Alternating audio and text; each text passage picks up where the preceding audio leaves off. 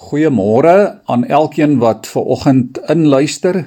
Dit is 'n voorreg om saam met julle ook stil te word in ons oggendoordenkings.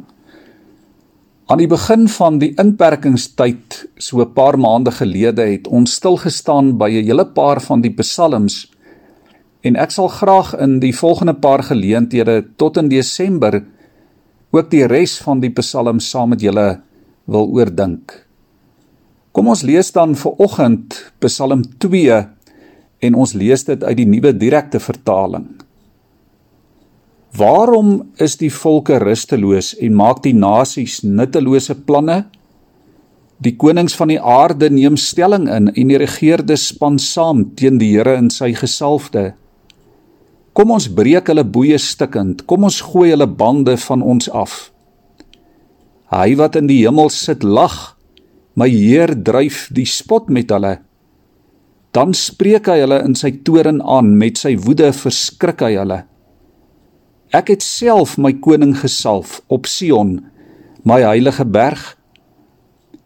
Ek wil die vaste besluit bekend maak. Die Here het vir my gesê: Jy is my seun. Vandag het ek jou verwek. Vra dit van my en ek sal volke gee as jou erfdeel die uithoeke van die aarde as jou eiendom. Jy sal hulle verpletter met 'n eysterscepter, soos erdewerk sal jy hulle stukkend slaan. Nou konings, wees daarom verstandig, wees gewaarsku regters van die aarde. Dien die Here met ontzag en juig hom toe met bewering. Soen sy seun, anders word hy kwaad en gaan julle op pad ten gronde want sy woede vlam maklik op. Gelukkig is almal wat by hom skuil.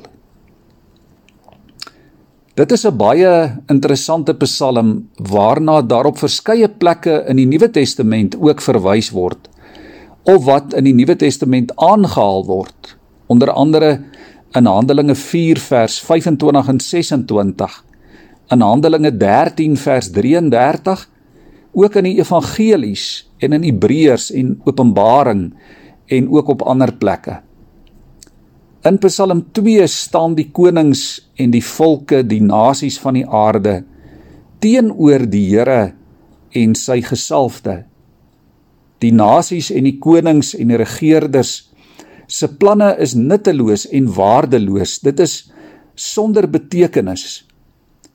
Dit is planne wat mense bind en boei en van mense slawe maak. Dis onverstandige planne.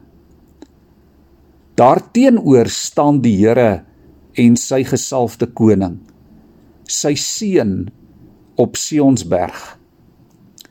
En hierdie Psalm roep alle mense, ook alle konings en regerders op om die Here en sy gesalfde koning te eer en te dien. By hom alleen is ware geluk en seën en vrede. Liewe vriende, as ons ver oggend na ons wêreld kyk, dan is ons wêreld in baie opsigte 'n chaotiese, deurmekaar wêreld. 'n Wêreld waar korrupte en onregverdige regerders oorskynlik die hef in die hand het.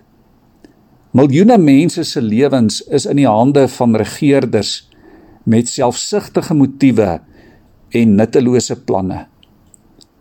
As gelowige kinders van God kan ons egter vanmôre weet dat hierdie regerders nie in beheer is nie. Ja, die Malemas, die Trumps, die Johnsons, die Chinese en ander wêreldleiers is nie in beheer nie. God is in beheer. En Jesus Christus is die ware koning op die troon. Hy wat self in Matteus 28 vers 18 sê: "Aan my is alle mag gegee in die hemel en op aarde." Na sy opstanding in hemelvaart heers hy as koning oor die hele skepping. Vir ons as Christene beteken ware geluk om jou aan God se gesag te onderwerp. Om die Here se heerskappy, sy regering oor elke terrein van die lewe te aanvaar. In alles moet God die eerste aanspraak en die laaste sê in jou en in my lewe hê. Mag die Here jou en my vandag daarmee help. Kom ons bid saam. Here, ons bely vanmôre die aarde behoort aan U en die volheid daarvan, die hele wêreld en almal wat daarin woon. Ons bely Here dat U die koning is wat oor U skepping regeer.